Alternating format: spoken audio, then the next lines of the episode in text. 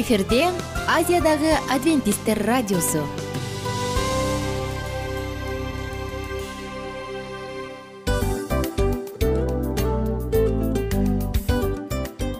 Достор салют. Баардык сүйүктүү угармандарыбызга салам айтабыз. Кутман күнүңүздөр менен.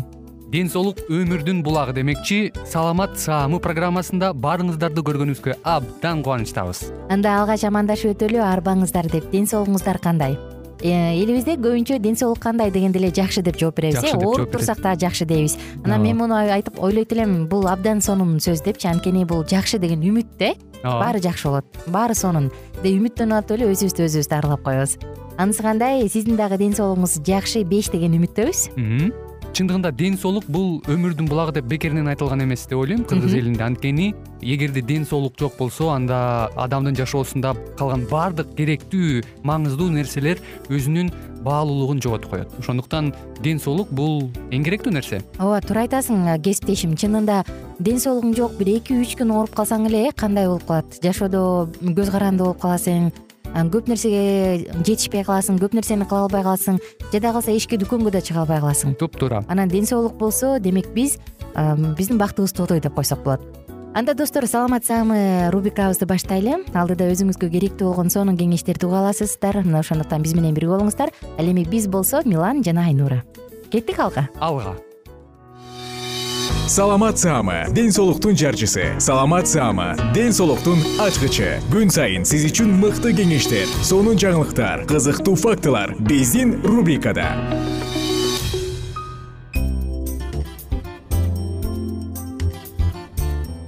Кутман күнүңүздөр менен замандаштар баардык сүйүктүү угармандарыбызга ысык салам. Жана салам айтуу менен бирге сиздерди саламат саама рубрикасына кош келиңиздер деп чакырам достор бүгүнкү уктурууда дарыгерлер менен болгон маекте сонун маалыматтар айтылат. Жана мен ишенем бул маалыматтар сиздин жашооңузда чоң жардам тийгизет деп. Жагымдуу мүнөттөр бирге болсун биздин жыштыктан алыстабаңыздар радионун үнүн өктөмүрөөк чыгарып керек болсо кагаз калем саап алып керек болсо өзүңүздүн уюлдук телефондун диктофонун күйгүзүп алып жаздырып алганга дагы аракет кылыңыз анткени чындыгында бул сонун белек маалыматтар кымбат маалыматтар сиздер үчүн жагымдуу мүнөттөрдү бирге өткөрөлү менин соңку суроом соңку эмес алдыда дагы суроолор болот. Ушул бирок биринчи бөлүктү жыйынтыктоочу суроом тамак аш азыркы тамактануу жана учурдагы пандемия ковид он тогуз э? ковид он тогуз азыр укмуш болуп жатат. Билбеген адам жок кичинекей балдардан бери билет. Ушул учурда адам кандай тамактаныш керек? Тамактануу образыбыз кандай болушу керек? Ошол жөнүндө айтып берсеңиз. Тамактануу аркылуу биз иммунитетибизди көтөрө алабызбы туура туура айта кеттиңиз азыркы учурда эң актуалдуу бул ошо коронавирус болуп эсептелинет бул ковид он тогуз депчи м ковид он тогуз учурунда деп эле көп кайрыла кеттиңиз. Бул эң биринчиден ковид учуру деген эмнени эме билдирет э? Ковид учурунда биз эң эң биринчиден биз үйдө эле отурабыз э? Эми көбүнчөсү жана дистанционный деп коет эмеспи? Үйдө эле иштеп карантинде да болдук үйдө да болдук. мисалы эми мисалы эң башталгандан баштап эле биз ушу март айынан баштап эле э, көбү эле ушу үйдө отурабыз да. Үйдө отуруп бир кез бир убакытта болуп калган үйдөн чыкпай такыр чыкпай отуруп калган кездерибиз да болгон э. Эми азыркы учурда дагы чыгып калдык дегендей бирок эми азыркы учурда коронавирус учурунда пандемия учурунда биз кантип тамактанышыбыз керек? Туура иммунитетти тамактануу менен көтөрсө болот бирок жеке гана эле тамактануу болбойт. Ковид учурунда эми өзүңүздөр билгендей ушул үйдө отурганга себепкер болгон бул эң биринчиден туура тамактануу менен бирге бул физикалык активдүүлүктү дагы унутпашыбыз керек. Эмне дегенде эмне себепкер физикалык активдүүлүктү бул мисалы тамак мисалы күнүгө эртең менен отурабыз э балдарыбыз деле жаныбызда эч качан эч жака деле барбай деле бир кичинекей эме эми үйгө жараша дегендей э кичинекей эле эмеде территорияда болот да анан ошол менен ары басасың бери басасың ашып кетсе бир күнүгө миң эле шаг эме миң эле басым жасайсың кадам жасап коюшуң мүмкүн. Бирок ал кичинекей эле да а сен жегениң андан көп болушу мүмкүн. Ошондон улам ошондон улам мисалы адам семирип кетүүгө дуушар болушу мүмкүн э семирип кетиши мүмкүн. Анан көбүнчөсү эле отурат мен эчтеке деле жеген жокмун үйдө отуруп эле семирип атам деген да көп көп көрүнүш болуп атат э бул адам билбейт канча жегенин адам деген калькулятор эмес да өзүнүн эме жегенин себеп эсептегендейчи адам билинбей эле мындай ары басып кичине жеп коет бери басып деле кичине жеп коет. Оозтунбай эле. ооз тынбай элечи бирок аларды эсепке албайт да. Эсепке албагандыктан бул ошол күнүмдүк кетирген сарпталган күнүмдүк кетирген энергияга караганда ошо алган энергиясы көп болгондуктан бул организм толуп кетүүсүнө толуп кетүүсүнүн э, эң биринчи себепкери болуп эсептелет. Анан жанагы ошондуктан мен ушул жарандарга кайрылат элем. Эң биринчиден эч качан ушул физикалык активдүүлүктү унутпаңыздар. Физикалык активдүүлүк десе эле баары эле ии ага дегенде эмне эле кийим сатып алыш керек анан кийин мен чуркашым керек анан күнүгө эки саат сайын мен деген чуркашым керек анан физзарядка жасашым керек деген ойлор кетет да. Бирок буга эч качан кажети жок. Кандай эң биринчиден эле жөнөкөй эле басуу таза абада таза абада жана прогулка деп коет эмеспи таза абада кичине мындай ары бери басып э, э мындай кандайдыр бир мындай тез басып тез басып койсоң деле бул деле физикалык активдүүлүккө кирет физикалык активдүүлүктүн эки түрү бар. Жогорку физикалык активдүүлүк жана орточо физикалык активдүүлүк депчи. Жогорку орточону ала кетсек бул жана күнүмдүк жашоо. Э, мисалы сиз э, эме тамак жасайсыз балдарды карайсыз ошондо тынбайт кечке жаным тынбайт деген бул ошол орточо физикалык активдүүлүк болуп эсептелинет. Ага деле энергия сарпталат бирок анчалык көп эмес да. Өзүңүздөр тамак жегенге да жараша да. Ал эми жана э, күчтүү жана күчтүү физикалык активдүүлүккө бул жана жумасына бир аптасына үч жолу кем эместен биз ошол максат коюп ошол үч жуманын ичинде бир эки сааттык убакытты ошол физикалык активдүүлүккө бөлүп кандайдыр бир чуркап машыгып скакалка жана секирип же болбосо жана кандайдыр сууга сууга сүзүп ошондой кандайдыр бир жогорку физикалык активдүү жогорку активдүүлүк физикалык активдүүлүккө энергияны сарпталсаң бул абдан абдан ден соолугуңду биринчиден чыңдайт экинчисинен бул ошол семирип кетүүнүн алдын ала чаралары болуп эсептелинет жакшы. Демек тамак менен иммунитетти бекемдесек болот бирок бул толук кандуу эмес болот. Ал үчүн кошумча дагы нерселер керек э, э ушул эле жерден сурагым келип турат. Ошол биринчи толкун учурунда имбирь сарымсак лимондун баасы аябай кымбаттап кетпеди э? Канчалык деңгээлде алар иммунитетти чыңдай алат? Бул мындай да сарымсак жана пияздар экөө мындай окшош болгондуктан эң биринчиден бул көбүнчөсү жана народный деп коет эмеспи медицина депчи. Элдик ыкма элдик ыкма менен медицинаны колдонгондордун бири болуп эсептелинет бул эч качан бир андай жамандыгы зыяндыгы жок. Бирок буларды деген күнүмдүк жегенге чейин бул ошо ашказан дүүлүгүшүнө мисалы аларга болбойт. Э, адам мисалы жарандын ашказан дүүлүгүчү болуп атса гастрит бар болсо язвасы бар болсо бул көп өлчөмдө жегенге бул чектелиши керек да. Ал эми жөнөкөй эле мисалы ден соолугу чың жакшы эле мындай адам эмесе аны жесе эч качан бир зыяндыгы жок. Эмне дегенде бул ошо сарымсак менен пиязда алицин деген табигый антибиотик бар да. Бул көптөгөн микроорганизмдерди жеңет да адамга зыян келтирүүчү микроорганизмдерди жеңет анан ошондуктан бул абдан ыңгайлуу жана табигый жолу менен бул антибиотик аласыңар да.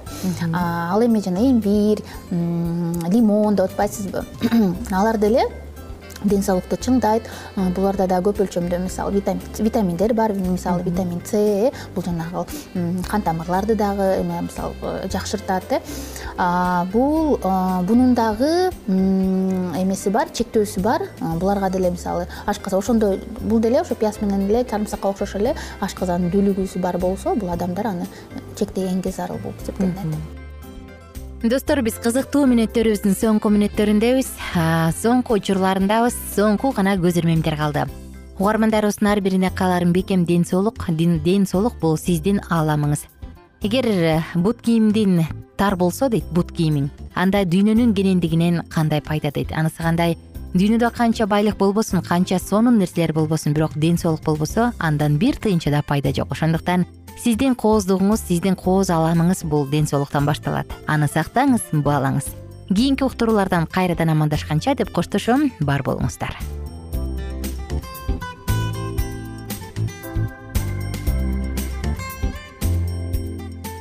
Кененирээк маалыматтар үчүн үч w чекит саламат чекит клуб сайтына келип таанышыңыздар. Жана андан тышкары социалдык тармактарда youtube facebook жана instagram баракчаларына катталыңыз саламат саама ден соолуктун жарчысы. Саламат саама ден соолуктун ачкычы. Күн сайын сиз үчүн мыкты кеңештер сонун жаңылыктар кызыктуу фактылар биздин рубрикада. Салют замандаштар баарыңыздарга ысык салам дил маек программабызга кош келиңиздер. Дил маек рубрикасы дегенде эле бул эмне болгон дил маек ким менен маектешебиз деп сурайт болуш керек угармандарыбыз бул рубриканы кыскача тааныштыра кетип турган болсок ар тарап кесип ээлеринен болгон сонун интервью кеңештер бар жылдыздар менен болгон маек бар аталарыбыздын агаларыбыздын чоң аталарыбыздан сонун кеңештер бар ошондой эле эже сиңдилердин кеңештери бар айтор. Баардык кызыктардын баары алдыда. Негизи эле адам баласы бир кимдир бирөөнө ишенип сырын ачкысы келет эмеспи э мындай баарлашууга жакын келебиз го? Албетте. Негизи бир жерге отуруп алып кенен шашпай баягы жүрөктөн жүрөккө ачып сырларыбызды ар кандай көйгөйлөрүбүз менен бөлүшүп баягы чын жүрөктөн маек курганды кимибиз сүйбөйбүз э? Ооба десең ал нерсеге суусап да келебиз да? Ооба кээ бирде адамга чындыгында баягы э, ысык маек баягы жылуу маек жетишпейт да. Ошондуктан биз ушул рубриканы ойлоп тапканыбызда эң биринчи эле достор сиздер менен чын жүрөктөн бир маңыздуу темаларды козгоп кеткени э, кааладык. Ошондуктан ушундай сонун бир рубриканы тартуулап жатабыз. Анын үстүнө радио дагы сонун дос да. Анткени э, мындай учурда досуңа айтсаң досуң досуна айтат досу досуна айтат да. Анан бүт өлкө билип калышы мүмкүн го. А радио болсо сени сатпаган сенин айыбыңды ачпаган сенин сырыңды эч кимге айтпаган сонун дос ошондуктан биздин алдыдагы айта турган кеңештерибизди биздин досторубуздун кеңештерин угуп анан ал жака пикириңизди дагы калтырып кайрадан биз менен байланышсаңыздар болот. Деги эле жашооңузга эгерде кичине болсо дагы өзгөрүү алып моралдык жактан нравовик жактан сонун бир кеңештерди алсаңыз демек биз максатыбызга жеттик. Ооба. Чыңгыз атабыз улуу жазуучу э, чыңгыз айтматов айткандай адам болуу бул күнүмдүк процесс экен. Күн сайын адам бойдон калуу бул адамзатка эң эле кыйын дейт э? э эң кыйын дейт. Чындыгында бунун э, негизинде адамдын эң баягы сапаттуулугу адамдын э, адамгерчилиги жана көптөгөн керектүү нерселер мына ошол темалар дагы бизде ушул дил маекте биз аларды да козгойбуз. Ден соолук жөнүндө да сүйлөшөбүз. Сөзсүз түрдө. Анан милан мырза негизи айтып коюшат го? Биз көбүнчө эмнени ойлонсок ошол нерсеге карата иш кылабыз го? Ооба. Анан анысы кандай? Балким бул радио баракчада кимдир бирөөнүн оюн текшергенге жардам берет кимдир бирөөнүн жүрөгүн текшергенге жардам берет. Балким кимдир бирөөгө жашоонун маңызын тапканга жардам берер. Айтор кызыктын баары алдыда бул жөн гана кыскача жарнама анда угармандарыбыздын баардыгын кийинки рубрикабызга чакырабыз. Ал эми кызматта маңдайымда отурган кесиптешим милан жана мен айнура. Анда эмесе биз даярдаган терең терең ойлор менен таанышууга кеттик. Алыс алыс баралык. Анда эмесе достор биз менен бирге болуңуздар. Алдыда эң кызыктуу маалыматтардын баардыгы бир нече мүнөттөр бою жалгыз гана сизге арналат. Мына ошондуктан жакшы маанай менен угууну каалайбыз. Үн алышканча. Жөнөдүк. Ар түрдүү ардактуу кесип ээлеринен алтын сөздөр жүрөк ачышкан сыр чачышкан сонун маек дил маек рубрикасында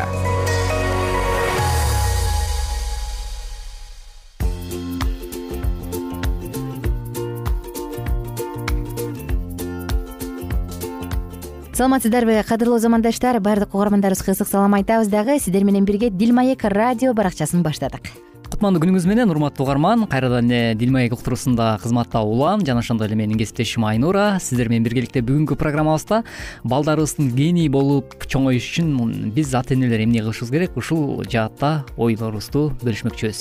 Сөзсүз түрдө ар бир ата эне баласына эң жакшысын каалайт э. Каргап шилеп урушса да бирок баары бир эң жакшысын каалайт да ошондуктан. Бирок ошол каалоо каалоо ойдон эле калып калат дагы сөздөр көбүнчө ишке ашып кетет эмеспи. Баланы канткенде биз гений кылып тарбиялай алабыз. Мына ушул жөнүндө болчу. Мурунку уктурууда мен саатыбыздын акырында айтып аткам. Еврей улутундагы адам өзүңдү тарбияла анан балаң сени көрүп тарбияланат деп ушундай бир жыйынтыкты айткан экен да. Анысы кандай? Биз өзүбүздү кантип тарбиялап кантип биз гений тарбиялай алабыз мына ушул жөнүндө сөз кылалы. Ооба. Э, өткөн берүүдө дагы менин кесиптешим өзүнүн жашоосунан жана ошол эле учурда бир окуялардын негизинде дагы ою менен бөлүшүп аткан. Э, ошол ойлорду бөлүшүп атканда мага дароо эле ошол учурда э, өзүмдүн жашоом дагы эсиме түштү да баягы бала чагым десем болот. Чындап эле баягы шаар шаар менен айылдын кадимкидей асман менен жердин айырмасы бар. Анан айыл жерде жергесинде мисалы алыскы тоолуу райондордо дейли региондордо чоңойгон мисалы жаш улан балдар кыздар мисалы биздин убакытта дейли биздин куракта.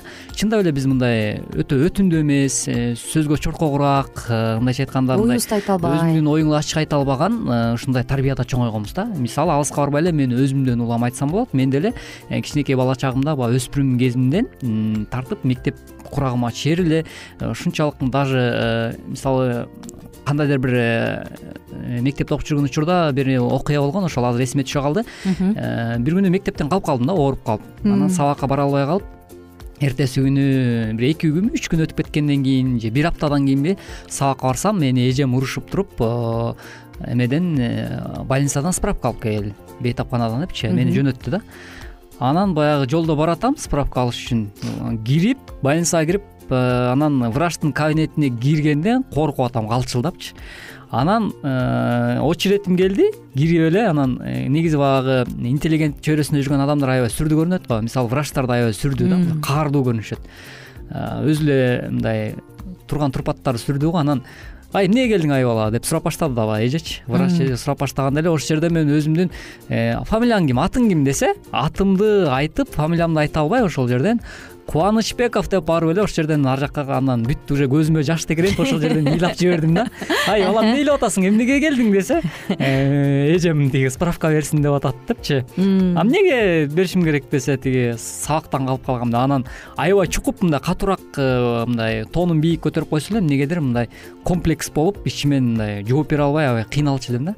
Көрсө ошол биздин кичинекей кезибизде ошол ата энелерибиздин ошондой ай тынч отур сен деген баласың бала деген баладай башыбыз чарадай болот деген сыяктуу мындай баягы үйгө конок келген учурда деле көп учурда ошо кысып тыйгандыктан улам э, ошо ички жан дүйнөңдөгү нерсеңди мындай жакын адамдар менен же ошол эле өзүңдүн ойноп аткан балдарың менен тең балдар менен да даже мындай бөлүшө албагандыктан улам ушундай мындай кандай айтышат айтканда бир буктурмага салып койгон бир капастагы чымчык сыяктуу ооба. болуп калат экенсиң. Аябай жакшы салыштырган бул нерсе бул нерсе сенин кийинки келечектеги жашооңо ал тургай сенин үй бүлө курганда кийинки жашооңо дагы мындай терс таасирин мындайча айтканда айлана чөйрөдө коомчулук менен болгон мамиледе дагы кийин уже сен чоң адам болгондо да бул аябай мындайча айтканда артка тартат кедергисин тийгизет ооба кедергисин тийгизет экен да.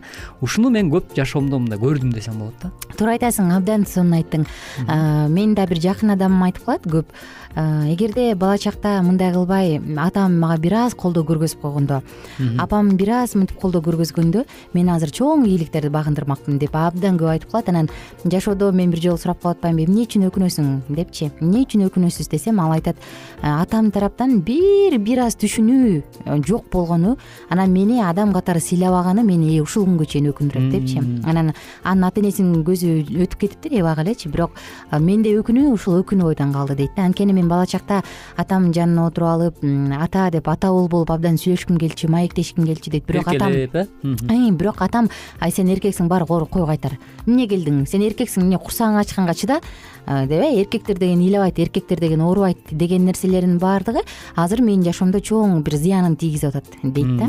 Анысы кандай чын эле биздин тээ түп тамырыбыздан калыптанып калган кайсы бир түшүнүктөр бул менталитет эмес деп айткым келбейт да. Кыргыздардын менталитети такыр башка болгон. Мисалы ошол эле манас эпосун окусаң э? Кандай сонун? Балдарын ойногону балдарга оюн үйрөткөндөрү балдар менен баарлашкандары каныкейдин баласы менен өзгөчө көңүл бурганы э? Бул бул менталитет эмес да. Азыркы биздеги мындай түркөй түшүнүкчү бул бизде калыптанып калган жаман адаттардын бири. Балдарды сен баласың деп керек болсо мен кээде таң калам да. Баягы жана мурунку октурууда айтып атпадым белем акыркы учур мени абдан ойлондурду деп. Люстрация жаштар бийликке келсин дегенде ким келет? дегенде бычакка саптуу адам жок экен а бирок карасаң ошол көтөрүлүшкө көпчүлүгү кырктан ашып калган кырктын тегерегиндеги килейген адамдар да. Булар туурабы. Бирок бычак касаптуу жок анан карап отуруп туруп андан кийинки муунчу десең андан кийинкиси бычак эмес бысы да жок болгондор экен да. Анан карап отуруп абдан өкүндүм да бул деген өлкөнүн келечеги да депчи. Эмне себептен дегенде баягы эле улуулар өзүнчө бир компания болуп жыргап жаштарды бөлүп койгону жаштарга насаат айталы деген кызыкмындай кызыкчылыктын жоктугу жаштарды ай бул жаш ай бул сүйлөй бербейби деген мындай туура эмес түшүнүктөр экен да.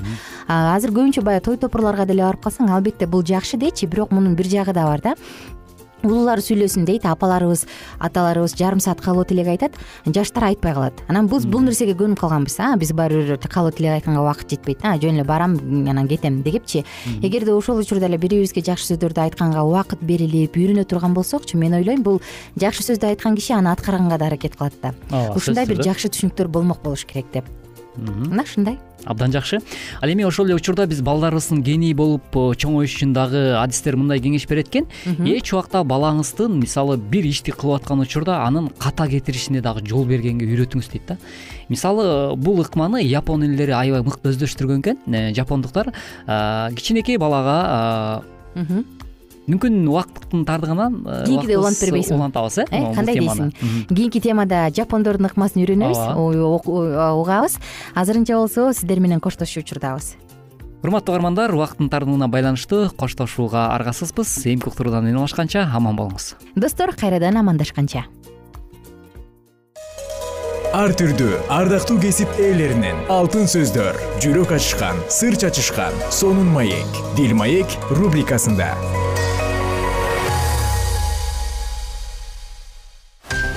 жан дүйнөңдү байыткан жүрөгүңдү азыктанткан жашооңо маңыз тартуулаган жан азык рубрикасы.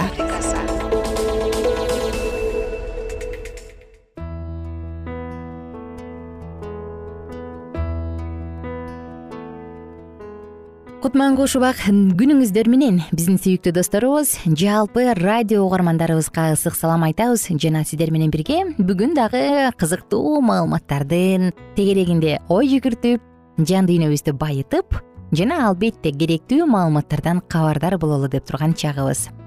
Тыңдап жатканыңыз жан азык радио баракчасы. Демек бул уктурууда дагы сиздер менен бирге албетте руханий жан дүйнөбүзгө көңүл буруп ички дүйнөбүздү байытчу саат.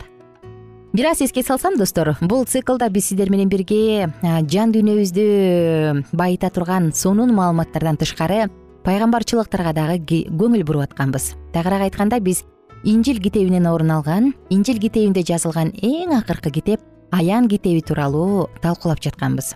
Аян китеби дүйнөнүн келечегин айта турган пайгамбарчылык кылган сонун китептердин бири. Мына биз бул тууралуу сөз кылып атабыз.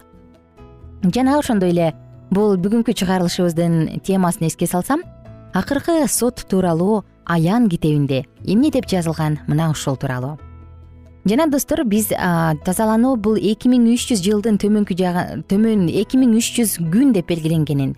Бирок ыйык жазууда бир күн бир жылга тете экендигине барабар байланыштуу болгондуктан эки миң үч жүз жыл тууралуу сөз кылып атабыз анда бул эмне болгон сөз? Келиңиздер дагы бир ирет андан ары темабызды уланталы эгер библия бизге эки миң үч жүз жылдын төмөнкү жагындагы чекитти берсе бул мезгилдин аякташынын убагын оңой эле билип алабыз анда сот качан башталганын дагы билебиз. Ыйса бүгүнкү күндө ыйыктын ыйыгындабы? Биз жер тарыхынын уникалдуу убагында жашап жатышыбыз мүмкүнбү? Муну билиш үчүн даниэль китебин изилдөөнү улантабыз. Кийинки тогузунчу бапта ыйса машаяктын биринчи келиши тууралуу кызыктуу пайгамбарчылыкты табабыз. Даниэлдин тогузунчу бабында жебрейил периште негизги үч дата тууралуу айтыш үчүн даниэлге келет. Ал ыйсанын сууга чөмүлдүрүлгөн датасын даана айтат.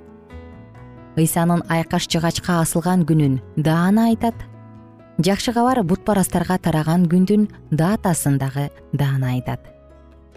Бул пайгамбарчылык даниэлде сегизинчи баптагы эки миң үч жүз күндү баштай турган чекитти тапканга дагы жардам берет даниэль китеби тогузунчу бап жыйырма төртүнчү аятты карасак.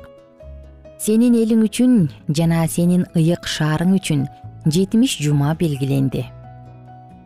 Даниэлдин шаары кайсы шаар? Иерусалим. Эки миң үч жүз күндүн алгачкы жетимиш жумалыгы даниэлдин эли жүйүттөр үчүн белгиленген. Белгилейт деген сөз дагы бир сөз иврит тилинде кесип алуу үзүү өмүрүнөн ажыратуу дегенди билдирет ошондуктан даниэль китебинин тогузунчу бапындагы пайгамбарчылыктагы жетимиш жума кесилүү үзүлүү дегенди түшүндүрөт. Эки миң үч жүз күндүн биринчи жетимиш жумасы даниэлдин элине тиешелүү. Эгер жетимиш апта болсо демек канча күн болот? Жетимишти жетиге көбөйтөбүз же төрт жүз токсон күн. Пайгамбарчылыктагы символикалык күндөр төрт жүз токсон реалдуу конкреттүү жылдарды билдирет. Башкача айтканда эки миң үч жүздүн алгачкы төрт жүз токсон жылы жүйүттөргө берилген. Ыйса өзүнүн элине жүйүттөргө келип аны миссия катары кабыл алып дүйнөгө жакшы кабар алып барууну сунуштаган. Бирок алар ыйсаны кабыл албай коюшту. Ошондуктан ошол пайгамбарчылыктагы биринчи төрт жүз токсон жыл жүйүттөргө жана ыйсага таандык. Пайгамбарчылыктагы ошол убакыт качан башталат? деген суроо туулат туурабы? Ал качан башталаарын билбесек пайгамбарчылык качан бүтөөрүн эсептегенге мүмкүнчүлүк жок. Келгиле анын башталар убактысын билели. Периште даниэль пайгамбарга башталган убактысын айткан. Даниэль китеби тогузунчу бап жыйырма бешинчи аят ошондуктан билип түшүнүп ал. Иерусалимди кайра калыбына келтирүү жөнүндө буйрук чыккан убакыттан дейт. Жебрейил периште даниэлге пайгамбарчылык качан аткарыла баштаарын иерусалимди калыбына келтирүү буйругу чыккандан тарта экенин ачып берет. Даниэль үчүн бул даата маанилүү ролду ойнойт. Ушул эле текстти андан ары окуйлу. Даниэль тогуз жыйырма беш ошондуктан билип түшүнүп ал иерусалимди кайра калыбына келтирүү жөнүндө буйрук чыккан убакыттан эгидер машаяк келгенге чейин жети жума жана алтымыш эки жума өтөт. Мессия жана машаяк деген ким? Ивритче машияк байыркы грек тилинде христос. Ал ыйса эми даниэль кубанып жатат. Жети жума жана алтымыш эки жума бул алтымыш тогуз апта.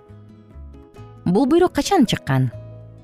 Езра китебинде жетинчи бапта жазылган боюнча падыша артаксеркс мындай буйрукту биздин замандыга чейинки төрт жүз элүү жетинчи жылы берген.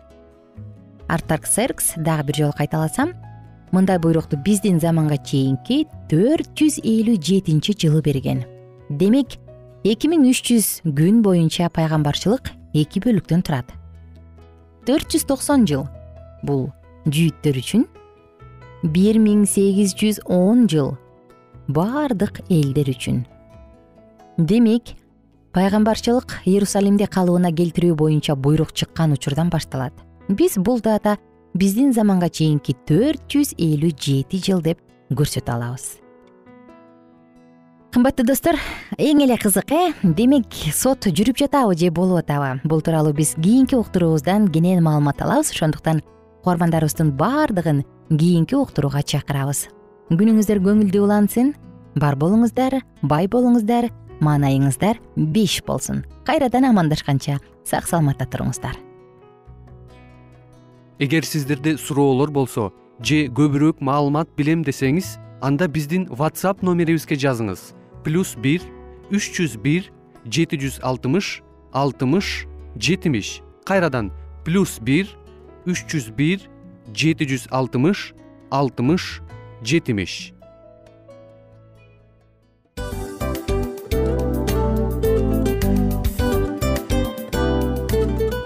достор биздин радио баракчаларыбыз соңуна келди. Демек бул программабызды дагы жыйынтыктаочу учур келдик. Учурга келдик. Анан кесиптешимден сурагым келип турат. Негизи эле иштин башталып атканы кубандырабы сени же жыйынтыгы кубандырабы? Албетте жыйынтыгы. Себеп дегенде сен кылган ишиңдин жыйынтыгын көрүп э, баягы мөмөсүн көрүп дегендей жыргайсың жүрөгүң жемишинен тартып э кандай даамдуу деп. Баягы буудай сепкенде эмес буудайды эгинди жыйнагандан кийин ысык нанды жегенде кадимкидей ырахаттанасың го. Ой айтпа туура айта кеттиң сонун салыштыруу болду анан мен дагы абдан кубанып турам анткени биз угармандарыбыз үчүн аябай эмгектенип келген уктуруубуздун соңуна келип калдык. Анан эми э, уктуруубуздун соңунда угармандар кандай пайда алып калды экен деп күтүп турам да. Балким э, менин жашоомо өзгөрүү киргизе турган сонун сөздөр болду. Мен ушул нерсени изилдеп анан кабыл албасам ушул нерсени кылбасам деген чечим чыгарсаңыз анда биз абдан кубанычтабыз. Сөзсүз түрдө андыктан кийинки биздин кызыктуу уктурууларыбыздан көрүшкөнчө сак саламатта калыңыздар. Чыдамсыздык менен сиздерди мен милан жана кесиптешим айнура күтөбүз. Баардык угармандарыбызга ийгиликтүү күн каалайбыз. Качан гана болбосун уртуңуздан жылмаюу кетпесин үйүңүздө көмүр жүрөгүңүздө көңүл болсун дейли